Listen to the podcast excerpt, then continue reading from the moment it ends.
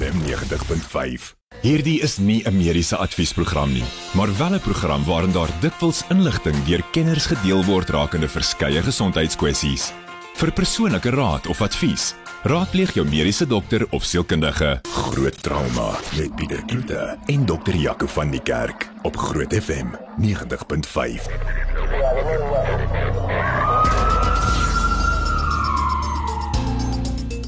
Ons begin soos altyd 'n bietjie kyk na nuus stories wat nuus gemaak het. Goeienaand Jaco, dankie dat jy weer is. Goeienaand Pieter, goeienaand almal by die huis. En Jaco is natuurlik die direkteur van die trauma eenheid by Montana, het ook sy eie praktyk daar in Pretoria Noord. Ehm um, ons begin 'n storie wat ver oggend gebreek het. Uh ver oggend 8:00 het 'n 30-jarige polisiebeampte by Tembisa se hospitaal ingery met sy blou ligte natuurlik geflits wat hom natuurlik toegang gegee het tot die hospitaal en hy het sy verpleegsting of sy verpleegster meisie wat 30 jaar oud was ook gebel en gesê hy's buite by die ongevalle en toe sy uitkom het hy op haar losgevier sy is ongelukkig op die toneel doodverklaar en ehm um, die beampte is natuurlik na 'n ander hospitaal geneem waar hy tans in 'n kritieke toestand is. Uh en is baie hartseer dat hierdie goed nog steeds gebeur Jaco. Pieter is ongelooflik hartseer. Ek kan onthou toe ek uh, eintlik nog net net met kliniese medisyne begin, ek dink ek was 'n 4de jaar het hierdie selfde tipe ding in Bloemfontein gebeur in die hospitaal waar, waar of ons opleidingshospitaal gebeur. Um maar hierdie wat in Tembisa gebeur het, um, ek het nou voor die tyd ook vir jou gesê ek het my huisdokterjare in Tembisa Hospitaal gedoen. En dis maar 'n baie rowwe area, maar dit bly nog steeds skokkend dat dit gebeur helder oor dag, um dat mense mekaar so so half eintlik ek ek wil amper sê nie nie enige waarde aan die lewe lewe heg nie en um, om jouself uit te haal is een ding maar om nou iemand saam te vat um, maak nie saak wat die redes daarvoor is nie en ek, ek sien ook daar hulle sê niemand weet presies wat se rede tans op hierdie stadium nie. Ehm mm. um, maar ja om om mense saam met jou te vat en om dit so in die openbaar te doen ek dink hoeveel mense word dan emosioneel ook geraak daardeur. So dit is 'n baie baie slegte ding. Kyk ek weet dat die polisie ehm um, reg nogal baie daaraan aan um, geestesgesondheid uh, vir almal hulle eie lede, maar ek dink baie meer kan gedoen word. Ja, ek dink daar's 'n groot persentasie van polisielede wat aan posttraumatiese stresversteuring ly. Ehm um, daar's 'n groot uh, persentasie wat aan major depressie ly en dan die kleinste dingetjie wat 'n stresor in hulle lewe is, ehm um, selfs net net strewelinge in 'n in 'n verhouding kan dan lei tot tot so 'n tragedie. Ja, dis baie hartseer. Ehm um, dan in ander nuus, dit lyk my dat J&J, dis nou Johnson & Johnson gaan uh, tydelik die vervaardiging van enstof staak, maar hulle het gemaan en gesê mense moet asseblief nou nie iets hierin sien nie want ehm um, daar is nog genoeg dosisse vir Covax, die Afrika Unie uh, in Suid-Afrika, maar ehm um, hulle sê uh dis daar in Nederland die aanleg en hulle sê dat ehm um, dit word nou eerder gebruik om eksperimentele enstowwe wat teen 'n ander virus beskerming moet bied te vervaardig. Nou hoop jy hulle brou nou weer iets wat nou weer oor 2 of 3 jaar nuwe gaan nuwe siekte nie. ja nee. Ek dink net al wat sleg is van dit aan daai hele artikel is dat dit stil stil gedoen is en dat almal nie dit's nie 'n deursigtige proses gewees nie. Hmm. En dan wonder mense ek ek verstaan dat daar dat daar baie instowwe vervaardig is. Ek weet daar's genoeg dosisse volgens volgens J&J Maar ehm um, ek dink definitief mense moet hierdie tipe goed deursigtig maak. Daar's hmm. soveel negatiewe konnotasies agter die enstof vir COVID-19 en as maatskappye sulke groot besluite maak sonder om deursigtig te wees, dan ehm um, dink ek ondersteun hulle daai negatiewe persepsie wat hmm. aan die enstof gekoppel word. Nee, verseker en ek meen ons wil jy sê mense moet inent. Ja. Ehm um, dan uh, dit lyk vir my as ons nou net oor COVID kom is daar nou weer nog iets wat sy kop uitsteek. En jy moet my miskien ook nou weet ek wat 'n leek is help Jaco. Maar daar's ook nou 'n nuwe erger variant van HIV in Nederland toevallig waar die Johnson & Johnson aanleg ook nou toegemaak is, maar nie te min kom ons spekuleer nou nie. Uh maar ja, 'n nuwe variant van HIV vigs, Jaco. Ja, ehm um, hulle het dan uit die Aardvinssaak Universiteit van Oxford het dan by Nederlandse pasiënte met HIV gekyk waarom hulle progressie van siekte so vinnig is Ehm um, ek sien die viruslading ons ons toets altyd die pasiënte se CD4 telling wat maar die wit selle is en dan doen ons ook 'n viruslading en die viruslading is gemiddeld 3 tot 3.5 keer hoër as die ander variasies. So hulle het hierdie HIV of HIV ehm um, subtipe die VB variant genoem of die virulent subtype B variant genoem. Ehm um, wat waarskynlik al lank daar is, maar wat nou eers wat nou eers 'n naam gekry het. Die probleem met hierdie variant is dat dit baie meer aansteeklik is as die as die ander variante wat bekend is aan ons en dat dit baie vinniger lei tot vigs. Nou daar's 'n verskil mos tussen HIV positief en aktiewe vigs siekte. En ek dink dis 'n dis 'n belangrike ding om te sê ook is dat die oomblik wat jy HIV positief is, beteken nie jy het aktiewe versiekte nie. Jou jou witseltelling is nog genoeg. Jy kry nie opportunistiese infeksies nie en um, jy leef eintlik relatief normaal. Waar as jy begin aktiewe vigsiekte het, dan is jou witseltelling gewoonlik laag en um 'n mens het dan al die komplikasies van die HIV. En hierdie ding um vorder net baie vinniger van dan normale lewe na na volledige vigs toe. Die ehm um, goeie ding hiervan is as jy vinnige diagnose maak, ehm um, werk antiretrovirale middels net so goed daarteen as wat dit teen die ander variante werk, maar 'n mens moet regtig waar vroeë diagnose hê anderster vorder hierdie hierdie siekte te vinnig. En as mens nou kyk na die spoed waarteen ehm um, mRNA mm. uh navorsing en en veral nou met die met die enstof wat ons gebruik vir COVID wat um, RNA enstowwe is mm. gebruik word. Dink jy daar is miskien nog 'n toekoms vir dit met die behandeling van HIV? Ja, ek dink ek dink gedeeltelik um die hele COVID pandemie en die hele inentings um ontwikkeling van die COVID enstof um is baie gebaseer op die beginsels wat al lank ontwikkel is en nagevors is vir die vir die behandeling van HIV. So ek dink definitief dit maar dit gaan 'n gaan 'n groot effek hê in die toekoms. Ons hoop so. Hmm. Ons hoop so. En dan weer hierdie plaaslike bodem, lyk my ons herstelwerk by Johannesburg se hospitaal sloer en kankerpasiënte ly natuurlik daaronder. En ons praat natuurlik van Charlotte Maclay Hospitaal daar in Johannesburg en ons het nou al reeds van hom gepraat al 'n paar keer hierdie jaar. Ja, dit is dis regtig hartseer. Ehm um, hulle sê dan in die artikel daar's tans 'n wagtydperk van 2 maande tot 5 jaar by die onkologie sentrum. Nou as jy 5 jaar wag om kankerbehandeling te kry, dan kan jy net sowel los dink ek, mm. nê. Nee. Ehm um, die hospitaal werk tans op 'n 50% van sy normale kapasiteit. Ehm um, en dan het hy sy bedkapasiteit met 200 beddens verminder ehm um, nadat die brand in April uitgebreek het. Ehm um, die hoof van interne geneeskunde professor Adam um, Mohammed het gesê um alle bied nie meer gehalte sorg aan pasiënte nie. Um en hy vra hoe kan 'n land sê hy wil nasionale gesondheidsversekering instel as hy nie eers hos, een hospitaal kan regmaak nie. Hmm. Nou dis nie ek wat dit sê nie, dis 'n uh, gefrustreerde hoof van interne geneeskunde wat dit sê. Ehm um, en dan wat baie baie belangrik is, hy sê ook COVID het personeel lui gemaak en ons bied nie meer gehalte sorg nie. En ek hmm. dink dis is dis 'n siekte want en ek dink nie is net 'n siekte in medisyne nie. Ek dink daar's baie eh, fasette daar buite en baie industrieë waar dinge maar deurgly en mense gee COVID die skuld. Dit het nou COVID, so dit kon nie gebeur nie of dit was um in, uh, jy weet inperkings so ons kon een of ander iets nie gedoen het nie. En ek dink ons moet verby daai punt kom. Ehm um, hy sê uit die aard van die saak ons het nou gesê die die hospitaal werk op 'n kapasiteit van van 50%, maar dit is terwyl 60 tot 70% van die hospitaal geen struktuurbeskadiging het nie. So hoekom word 70% nie gebruik nie? Hoekom mm. net 50? En en dis waar daai daai ek wil amper sê die die die personeel se se attitude net ook inkom en ek dink definitief 'n mens moet net weer 'n bietjie wakker word en besef ons is nou verby hierdie hierdie um verskoning van COVID. Ja. En ons sluit af met 'n artikel wat ek eintlik gedog het heeltemal verkeerd is want die artikel lees soos volg: Minder kondome in die Kaap gebruik, seksueel oordraagbare siektes styg. Ek sou nou gedink het dit moet eerder wees minder kondome in die Kaap gebruik meer swangerskappe. maar dit nou nie. Ja, Pieter, dit is eintlik nogal indrukwekkend. Um hulle sê Volgens die provinsiale departement van gesondheid um, in die Wes-Kaap het kondoomgebruik met meer as die helfte of amper die helfte gedaal tussen 2020 en 2021. Um hulle sê hulle het so 30.6 miljoen kondome in 2020 uitgedeel terwyl hulle net oor die 16 miljoen in 2021 gedoen het en by vrouens is dit eintlik meer dit's van 950 000 tot so net oor die 34 000 verminder.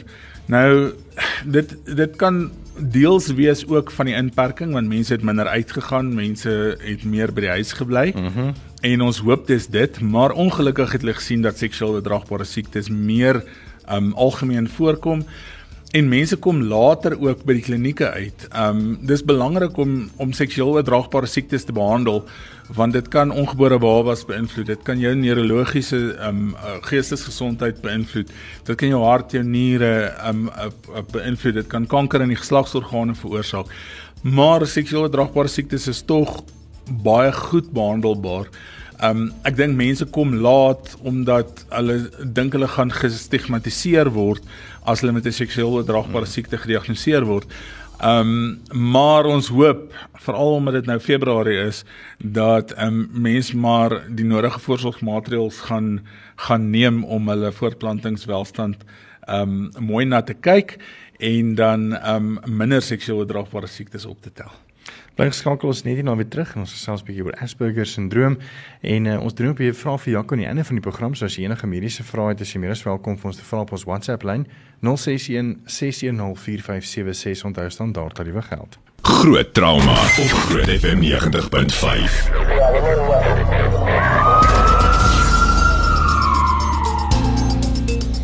Welkom terug. Ehm um, En voor ek nou gaan sê waar ons gaan gesels, want eintlik is dit nie korrek nie want um, ons gesels natuurlik oor Asperger syndroom, hmm. maar Jaco mens kan blykbaar daai term nie meer gebruik nie en dan bietjie later gaan ons vir jou die ander gaste ook um, aan jou bekendstel onder andere Dankie Robertse, sy is 'n arbeidsterapeut en sy het ook 'n seun wat die syndroom het en dan 'n bietjie later 'n bietjie Daantjie Badenhorst uh, wat almal baie ken, uh, baie goed ken. Ek gesels oor sy lewe. Ja, Pieter, ek dink as mens gaan kyk na die geskiedenis van Asperger syndroom, Ehm um, dan ag daar's daar's vroeër geskiedenis ook ehm um, uit Rusland uit, maar die die mees onlangse is 'n pediater met die naam van Hans Asperger wat 1944 ehm um, die eerste keer hierdie hierdie toestand eintlik raak gesien het en in die begin nie mooi geweet het wat hy raak sien nie, want hy het gesien dat hy sien kinders wat sukkel om sosiaal vriendskappe te vorm met met ander kinders of of hulle maatjies. Ehm um, hulle het nie mooi ander se gevoelens in ag geneem of dit het vir hulle voorgekom of hulle dit nie mooi in ag neem nie.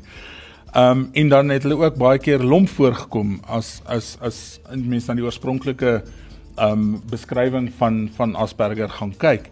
Ehm um, in 1994 het ons 'n diagnostic ehm um, and statistical manual for mental disorders of die DSM ehm um, vier kriteria gehad en daar was Asperger syndroom eintlik 'n entiteit op sy eie. Um in 2013 is die DSM-5 kriteria um vrygestel en daarin is Asperger heeltemal uitgehaal en dit word as deel van die autisme spektrum gesien. Eintlik die minder ernstige gedeelte van die autisme spektrum. Hmm. Um so ja, ek dink aan die een kant mens moet nog die naam ken. Uh maar aan die ander kant mens kan nie meer dit as 'n as 'n entiteit sien as mens na die na die DSM kriteria fisies akademies in in psigiatrie gaan kyk nie. As mens gaan kyk na wat Asperger syndroom is, dan kan mens dit eintlik beskryf as 'n neuroontwikkelingsprobleem wat dan gekarakteriseer word met 'n moeilike sosiale interaksie, non-verbale kommunikasie soos oogkontak ensovoorts. Ehm um, en dan herhalende patrone van van van gedrag wat dan deur die mense wat dit wat dit het ehm um, dan dan ehm um, tentoonstel. Dit word baie dink ek verkeerdelik gediagnoseer, oor en onder gediagnoseer, maar oor gediagnoseer ook by mense wat dalk um obsessief kompulsiewe gedragsversteuring het, mense wat skizofrenie het, wat heeltemal iets anders is. En um mense met bipolariteit, major depressie, daar's 'n klomp oor oorvleelende goed. Um maar ek dink ja, dis 'n dis eintlik 'n moeilike diagnose en ek dink daar's baie mense wat daaraan ly wat nie gediagnoseer is nie en dan is daar baie mense wat um oorgediagnoseer word.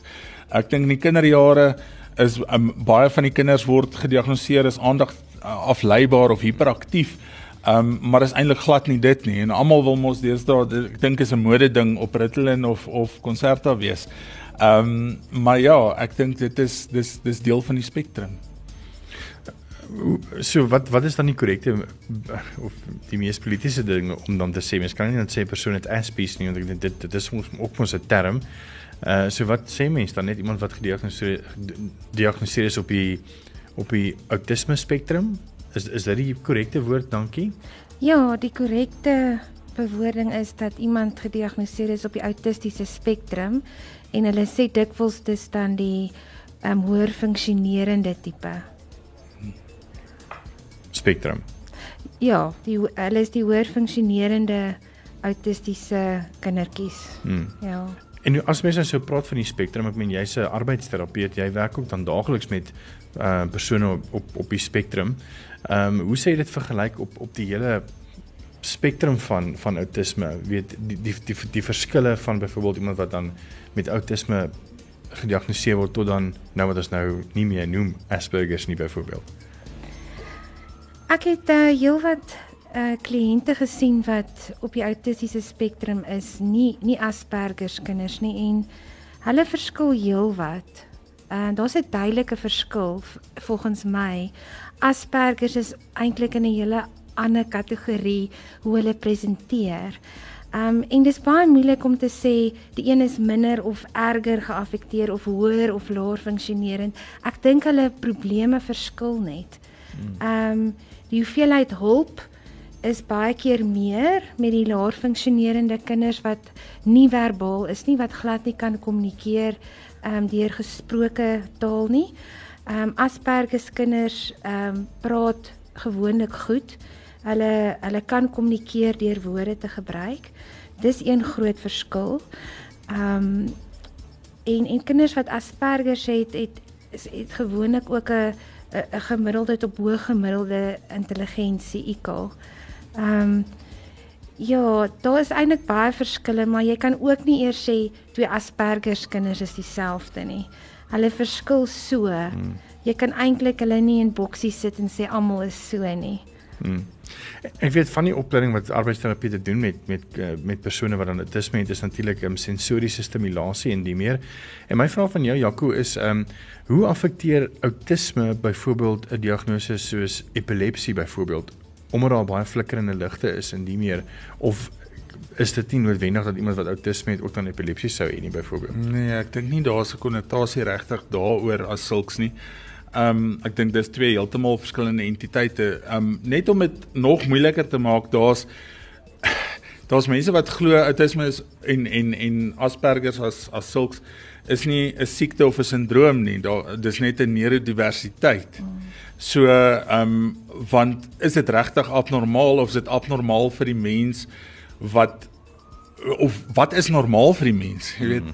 Ehm um, so ek dink mense kan dit as 'n neurodiversiteit sien, maar maar daar hoef nie iets soos 'n uh, epilepsie of 'n fisiese neurologiese siekte daarmee saam te wees nie, definitief nie. Hmm. En ook jy het ook 'n seun wat dan die diagnose het. Ehm um, hoe, hoe wanneer het jy agtergekom dat hy anders is? Ek het van babatjie tyd af agtergekom daar's iets anders. Hy kon nooit settle as 'n baba nie. Hy kon nooit homself reguleer nie. Hy het baie gehuil. Die dokters kon nooit vir my sê wat fout is nie. Hy het baie sensoriese probleme gehad, baie sensoriese prosesseringsprobleme. Hy kon nooit op 'n ander plek slaap as by die huis nie. Hy kon nooit elders anders slaap as in my arms nie. Maar op daai stadium het mens nou nie geweet dit is Asperger nie. Hy het ook baie baie gesukkel met angs van baie vroeg af. Ehm uh, baie sosiale skeidingsangs gehad um angs vir vreemde situasies en sekere um hy wou in sekere geboue of plekke glad nie ingaan nie. Um so ek het van vroeg af gesien daar's iets anders en daar's iets wat my bekommer. Maar ons het eers toe hy in graad 1 is, toe die wiele behoorlik afgeval. Hmm. Toe het hy eers die diagnose gekry. En net hier nog ons 'n bietjie hoor oor weet die lewe as 'n laerskoolkind met Asperger by Dankie Badenhorst. So bly net uh bly gerus ingeskakel daarvoor. As jy enige vrae het, is jy meer as welkom te vra 061 610 4576 en onthou standaard tariewe geld. Maar dis nou tyd vir mediese mite minuut. Jaco. Ja, ek dink ons praat nou oor 'n oor 'n baie moeilike onderwerp um vanaand en ek dink baie mense verwar outisme en Asperger's en dink dit is mense wat intellektueel gestrem is of wat wat minder slim is. En ons het eintlik dit nou half al aangeraak, maar hmm. dit is glad nie so nie. Um daar is 'n groot um navorsingsartikel wat in 2002 um vrygestel is of of gepubliseer is en Simon Cohen het daar geskryf en ek gaan dit nou in Engels lees, maar hulle sê in the social world there is no great benefit to the precise eye for detail But in the worlds of maths, computing, cataloging, music, linguistics, engineering, and science, such an eye for detail can lead to success rather than failure. Mm. En ek dink dis 'n dis 'n groot um groot deel van die hele van die hele prentjie as mens gaan kyk na hierdie hierdie reeks van sindrome of reeks van of die spektrum soos wat ons nou van gepraat het. So ek dink regtig mense moenie 'n wanpersepsie hê oor mense wat aanlyn nie. Groot trauma met Pieter Kloete en dokter Jaco van die Kerk op Groot FM 90.5. Ons gesels oor die outisme spektrum en ook hierso om 'n bietjie te gesels oor sy ervaring in lewe is dankie Baardons, dankie, dankie dankie dat jy ingestem het om 'n bietjie meer van ons van jou wêreld vir ons te kom vertel. Dankie Pieter, dit was lekker om vir die eerste keer hier te wees uh, en 'n bietjie my storie te, te vertel. Uh, ek moet sê dit dit uh, dit, dit is eintlik nog 'n goeie ding dat mense die kans kry om dit te doen want uh, hmm. ek dink baie mense weet nie waaroor dit gaan nie en ek dink baie mense het ook uh, miskien 'n wanpersepsie daaroor of hulle as hulle as hulle weet dan gee hulle ook nie regtig om nie. So ek dink dit is miskien goed dat 'n mens bietjie bewustheid skep hieroor. Kom ons praat 'n bietjie oor jou kinderjare. Ehm um, hoe hoe dit gekom dat jou pa net vir jou vertel het dat daar was en ek meen jy het hulle vir jou reg gediagnoseer van die begin af want ek meen jy's ook nou al Dit is 'n baie goeie vraag. Ek dink uh, om net te begin my pa was sy lewe lank in die opvoedkinders. Ek het 'n voordeel gehad na opsig. Hy uh, hy het, hy het van die begin af gesê dit is wat dit is en ek het eintlik uh, ons het nog so gepraat oor oor, oor die tekens uh, van van kleins af. Ek het 'n paar dinge van in my lewe al van van kleins af wat ek al beleef wat wat wat van die simptome van Asperger 'n uh, paar daarvan is obsessiewe belangstellings uh, uh, uh, uh oor of onderreaksie op op uh, op uh, sensoriese stimulering uh lompheid uh, uh, gebrek aan handvaardigheid al sulke dinge.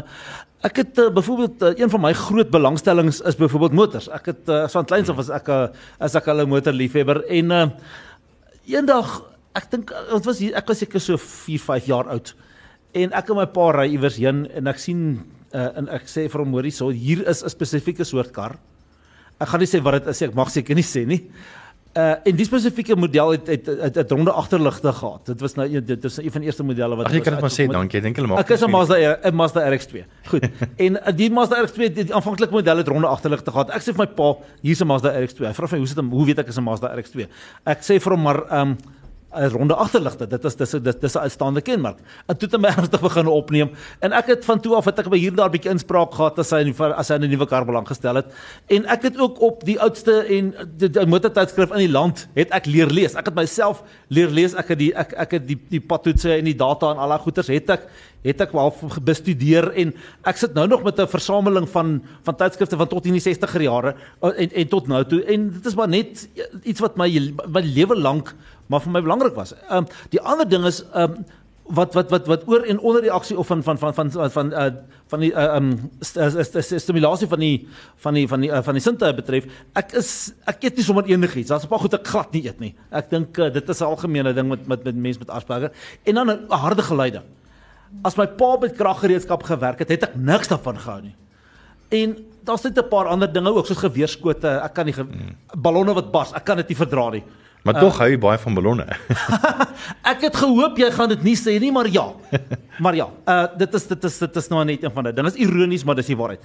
Maar ook al dit is dit en ek moet sê dit is iets wat wat nogal mense met as mense met op die autisme spektrum hou daarvan. Ek bedoel ek het ek ken iemand wat 'n absolute obsessie daarmee het, baie erger wat dit dit dit dis dis mooi gerangskik en dit is al sulke dinge en ek het ek moet sê daar's ander dinge as my tydskrifte is volgens jaar gerangskik en volgens die my brosjures is volgens se vaardighede as geding. So ja, ek het tog sekere dinge wat uh wat wat wat wat wat ek ook op dan nie doen maar dit is nie vir my meer so obsessie nie. En nog 'n ding ek ek ek het vroeër jare het ek my uh belangstellings op mense afgedruk. Ek het met ek het met mense oor karre gepraat of hulle belangstel het of nie. Daai tyd is verby en ek dink dit het ons het nou gepraat oor verhoudings. Dit het ook my verhoudings negatief beïnvloed want uh mense wil nie noodwendig daaroor oor gepraat het nie. En, en tog het ek van kleins af het ek het ek 'n goeie algemene kennis gehad. Ek bedoel ek het ek het ek het flink dink gekyk elke elke week en ek het baie van die goed geweet. Uh dit is nog 'n ding, uh musiek is nog een van my belangstellings en ek het met Afrikaanse treffers groot geword wat Errol van Aarde aangebied het.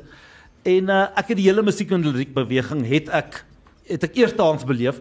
Dis hoekom ek so sterk 'n uh, 'n gekant is teen vertaalde musiek want ek het gesê ek het besef daar is iets beter. En op die Oudetek na Springbok Radio se top 20 geluister natuurlik gister se grootes geniet ek geweldig baie. Dankie. En uh dit is dit is vanaand terug na na na ek meen jy's getroud, jy het twee pragtige kinders, jy het 'n ja. vrou. Daar's natuurlik baie uitdagings. O ja, um, verstaan ja. jou kinders? Ehm um, hulle probeer. Hulle probeer wat my vrou betref. Dis ook maar tieners, jy weet. Ja. Ek was ek was enkel lopend tot in my tot in my vroeë 30er jare. Ek ek dink ek was vir geen meisie aanvaarbaar nie of ek is maar soos hulle sê gefriendzone want uh, niemand het belang gestel uh, om uh, in meer as dit nie. En ag dit het maar net gebeur dat, dat ek ek het ek het ek het 'n ander vriendin ontmoet deur 'n uh, op die, op op 'n kerkjeugkonferensie en ons het oor en meer van mekaar geskryf en al sulke dinge en toe sy Pretoria toe kom ek het toe sy 'n lekker moeg van my stories en toe sê sy maar hoorie sy wil iemand aan my voorstel en ek kry die telefoonnommer ons bel haar en ek en toe kom ons agter ons ken mekaar want ek het ek het my, my, my, my ek het 14 jaar lank by die staatsrukkery gewerk en sy het ingekom en sy wou 'n uh, paar uh, arbeidswetgewing 'n stuk arbeidswetgewing by my gehad het vir 'n arbeidshofsaak wat wat sy sonder 'n prokureur gewen het op die oude. En toe het ons 2 jaar later toe het ons mekaar weer uh, raak geloop uh, deur deur die vriendin en ons is ons is binne 9 maande getroud maar ek moet ook sê dit is 'n uitdaging die groot ding is uh sy leef saam met met met kroniese epilepsie. So ons situasie ons ons, ons omstandighede is alles behalwe ideaal. En wat doen julle om om byvoorbeeld te kommunikeer byvoorbeeld? Ehm um, want kyk verhoudings is maar weet dit nie ja, altyd maanskyn en rose nie. Ja, daar is sekere dinge wat 'n mens maar moet aanvaar. Ek bedoel daar seker hmm. dinge wat wat in vir 'n normale huwelik wat wat wat mense wat in 'n normale huwelik is as vanselfsprekend kan aan, sal aanvaar, maar wat nie by ons teenwoordig is. Ek gaan nou nie voorbeelde doen nie want ja. ek ek wil nou nie uh, ja, ja, ja. ek wil nou nie te veel geheime weggee nie, maar maar ja, dit is moeilik en uh, uh, ons kinders moet ek sê presteer baie goed. Hulle is uh, my my seun is in matriek hierdie jaar, my my dogter is in graad uh, 9, hulle is in, in Afrikaans hoër seuns en meisies skool in die koshuis. En uh, ek dink hulle, hulle hulle presteer akademies baie goed en uh, ek moet sê ek ek is baie trots op hulle. Ek ek, ek dink hulle gaan baie verder in die lewe kom as wat ek het. Want nog 'n ding wat ek dink mense dalk nie besef nie, is mense met Asperger word uh om dit nou Engels in Engels te sê, they they are underemployed and underpaid.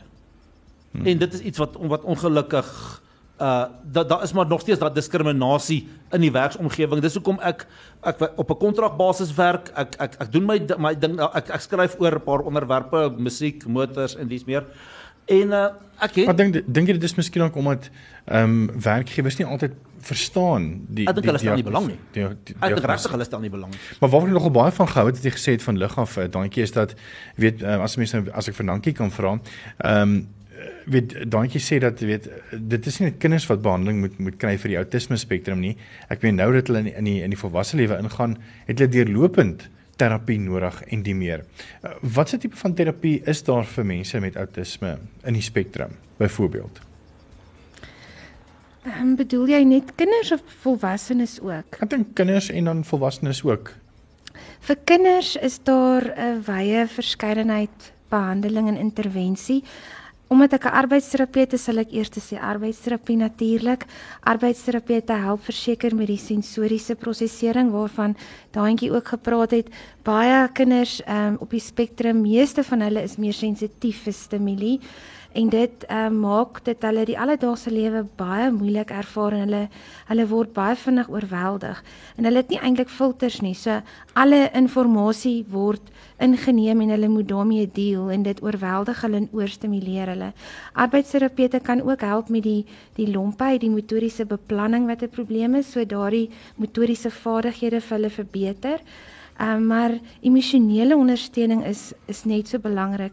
So sielkundiges met kinders spelterapeute, maar dit moet deurgaan deur tienerfase, volwasse fase omdat hulle sukkel met interpersoonlike kommunikasie en verhoudings. So tieners en volwassenes en kinders, ek voel moet moet gereeld ehm um, terapie kry om hulle te help met daardie vaardighede. Ehm um, en met kinders, hulle ontwikkel baie keer 'n baie lae selfbeeld en hulle het baie min selfvertroue want hulle ervaar hulle is anders en hulle weet nie hoekom nie. En hulle vaar, hulle ervaar hulle self amper ontoereikend en onsuksesvol omdat hulle so anders dink. Hulle breine werk heeltemal anders. So om hulle selfbeeld te verbeter, het hulle baie keer spelterapie nodig en net om dit te herstel. Ja. Ons net nou weer terug. Ek dink dit is reg. Ek dink ek sê ek dink selfbeeld is maar 'n 'n groot uitdaging. So ja, ek kan ek kan heeltemal daarbey identifiseer. Ek dink ek het self ook nog al 'n bietjie van 'n probleem daarmee gehad en ook in die openbare lewe. Ek bedoel hmm. dit is natuurlik uh met nood vir nood net om uh, om nou net vir die luisteraars te sê ek was maar bietjie onseker, ek het nie geweet. Ek ek het ek gaan my bes doen. Ek het ek was vasberade om so goed as moontlik te doen. Ek het nie gedink ek gaan wen nie, maar ja. ek dit het toe nou gebeur en toe is ek nou natuurlik in die in die diep kant ingegooi met die media. En ek het in die journalistiek gestudeer. So ek is ek ken die media redelik goed. Uh maar nou nou was ek van van die kom ons sê nou is ek van die een kant na die ander kant toe ek uh, uh, ek het geleer om om artikels te skryf en uh, onderhoude te voer en dis meer. Nou moet ek skielik, nou is ek skielik die nuusbron. Maar ek het altyd gesê ek gee vir die media my samewerk totdat 'n paar skinderjoernaliste gaan staan en my lewe kom voeter het en gemaak het dat ek maar weer my dop begin kruip het. Omdat hulle nie verstaan nie. Ja, nee, ons net nou weer terug en uh, dan gesels ons verder onthou daai vraag vir Jaco 0616104576 onthou standaard tariewe geld. Met die volgende program bo Groot FM 90.5 om jou as luisteraar met die nodige inligting oor 'n spesifieke onderwerp te voorsien. Alhoewel hierdie inligting dikwels deur 'n kenner op die gebied gedeel word, word jy aangemoedig om jou mediese dokter of sielkundige te besoek vir persoonlike advies of raad. Groot trauma met Pieter Kloete en dokter Jaco van die Kerk op Groot FM 90.5. Ons het 'n boodskap gekry van Esmeralda wat uh, van die huis af luister en sy het 'n paar goeie vrae vir ons gevra. Hallo julle. Dis Esmeralda. Ek luister 'n bietjie vir julle van die huis af vanaand. Um ek het eintlik 'n drievoudige vraag wat ek wil vra. Die eerste ding is is op watter ouderdom sal mens begin uitkyk vir simptome van Asperger dan um in jou kind. Die tweede vraag is watse tipe simptome sal mens dan vooruitkyk? Soos waarmee sal hulle presenteer? En dan die derde vraagie is, is dit dieselfde in seuns en dogters? Presenteer dit op dieselfde tyd? Presenteer hulle met dieselfde simptome? Byvoorbeeld, dankie. Dankie. Miskien ja, ek en Jaco. Ek dink van my kant af en ek dink julle twee gaan elkeen ook 'n antwoord gee is ehm um, as mens statisties gaan kyk, ehm um, die ouderdom van diagnose is gewoonlik so tussen 4 en 11 jaar oud. Ehm um, meer seuns of mans, meer seuns as dogters word gediagnoseer, 4 keer meer seuns as dogters oor die algemeen statisties en dogters word later gediagnoseer. Ehm um, ons het nou gepraat oor masking en ek dink vertel vir ons bietjie meer hmm. daarvan wat die dogters doen. Ja, oor die algemeen het dogters die vermoë om dit baie beter weg te steek. Mm. So hulle presenteer baie keer later of hulle word later gewoonlik gediagnoseer. Ehm um, dogters kan ehm um, dit beter wegsteek so hulle weet wat van hulle verwag word. Hulle weet wat is die sosiale norms en hulle probeer dan amper dit ehm um, fake en en probeer oogkontak maak en hulle leer hulle self skills om dit wel reg te kry. Ehm um, self seuns kry dit ook reg. Ehm um, maar dogters ja, hulle hulle hulle hulle steek dit net makliker weg. Ja, ek dink ook uh, baie kere uh, om om nou terug te kom na die die kwessie van van die uh die ouderdom van diagnose. Ek dink jy kan van van kleintyd af al kan jy al sien dat daar dinge is wat 'n bietjie anders. Ek het nou gepraat van die stimulasie van die van die sintuie en al sulke dinge. Nog 'n simptoom wat uh, vir my baie uh uh wat wat wat 'n groot invloed op my lewe gehad het tot dusver is 'n gebrek aan handvaardigheid. Ek het byvoorbeeld gesukkel om te leer klavier speel. Ek kan ek ek kan 'n melodie met my regterhand speel, maar met met my akkoorde met jou linkerhand te te probeer speel is net nie vir my moontlik nie. En dis hoekom ek ek ek kan nie gitaar speel nie. Dis hoekom ek ek, ek kan sing en ek is betrokke by ons gemeente se voorsang uh groep, maar ek kan nie ek ek het nog nooit daaraan gedink om uh, om van 'n uh, loopbaan van musiek te maak nie. Ek het in elk geval dinge in die musiekbedryf gesien wat my glad nie aanstaan nie, wat wat glad nie wat wat wat elk geval gemaak het dat ek wat dit dit wat nie nie wil doen nie, maar Maar daai is elk geval 'n gesprek vir ander tyd ek dink ons ek en jy kan nogal baie maar, praat oor die musiekbedryf. Maar maar wat ek wou sê is as ek is nie 'n liedjie skrywer of 'n of of of 'n instrumentalis of so iets met ander ek gebruik met my stem. Hmm. So ek en ek gaan nie 'n album vol covers maak net om myself uit te kry nie. Hier is 'n boodskap wat gekom het van Marita Steynhoff en sy sê sy het 'n autistiese kleindogter en uh die laagste graad soos hulle deesdae sê, maar sy is mal oor musiek ook en doen ook geleide baie goed na en sy is ook in 'n skool wat baie goed is en sê ook baie dankie vir die program. Dankie dat jy saam luister Marita en dankie dat jy dit ook met ons deel. Net om af te sluit dalk en dankie ehm um, Wat sê jy vir, vir ouers miskien ook sê om te bemoedig wat persone het wat miskien ook in die autistiese spektrum is? Ek sal sê kyk uit vir hulle spesiale vermoëns en fokus op dit. Hmm. Alle autistiese kinders en spesiaal Aspergers het hulle is gifted gewoonlik en hulle het daai een ehm um, partykeer meer as een regtig hmm. ehm um, hulle is regtig goed in musiek of goed om ehm um, inligting te onthou. Hmm. Uh, my seun kan byvoorbeeld musiek hoor en hy weet presies uit watter fliek uit watter ehm um, toneel in die fliek ja. daai musiek uitkom. Ehm um, sien hulle giftedness raak ja, en en dit wat hulle vir die wêreld kan bied want daai giftedness kan 'n groot bydrae lewer tot tot die samelewing. En dis presies wat jou pa gedoen het daai keer toe hy nou besef het dat kyk, jy weet van karre meer as ja, wat hy van. Ja, wel, ek het suk ek het maar hy het maar ingeteken op die motortydskrif wat suk sê wat uh so ek het maar daarop uh, geleer. As ek net ook wat met ook om terug te kom na musiek toe ek het van van van hoërskool af vandat my stem verander het het ek nog altyd 'n plek gekry om te sing. Eers Noordragsval jeugkoor en toe later uh so bevoor die rondom talies wat die tegnikon Pretoria se revue groep was en vir ag kore en groepe en goeters. So ek kyk ek sing op gehoor. En ek kan vir jou sê as dit of 'n liedjie in die regte toonaard gesing word of nie. En ek kan en, en as ek as jy 'n melodie vir my speel, kan ek hom sing. Maar ek sukkel met note lees. Dis 'n hmm. ander ding.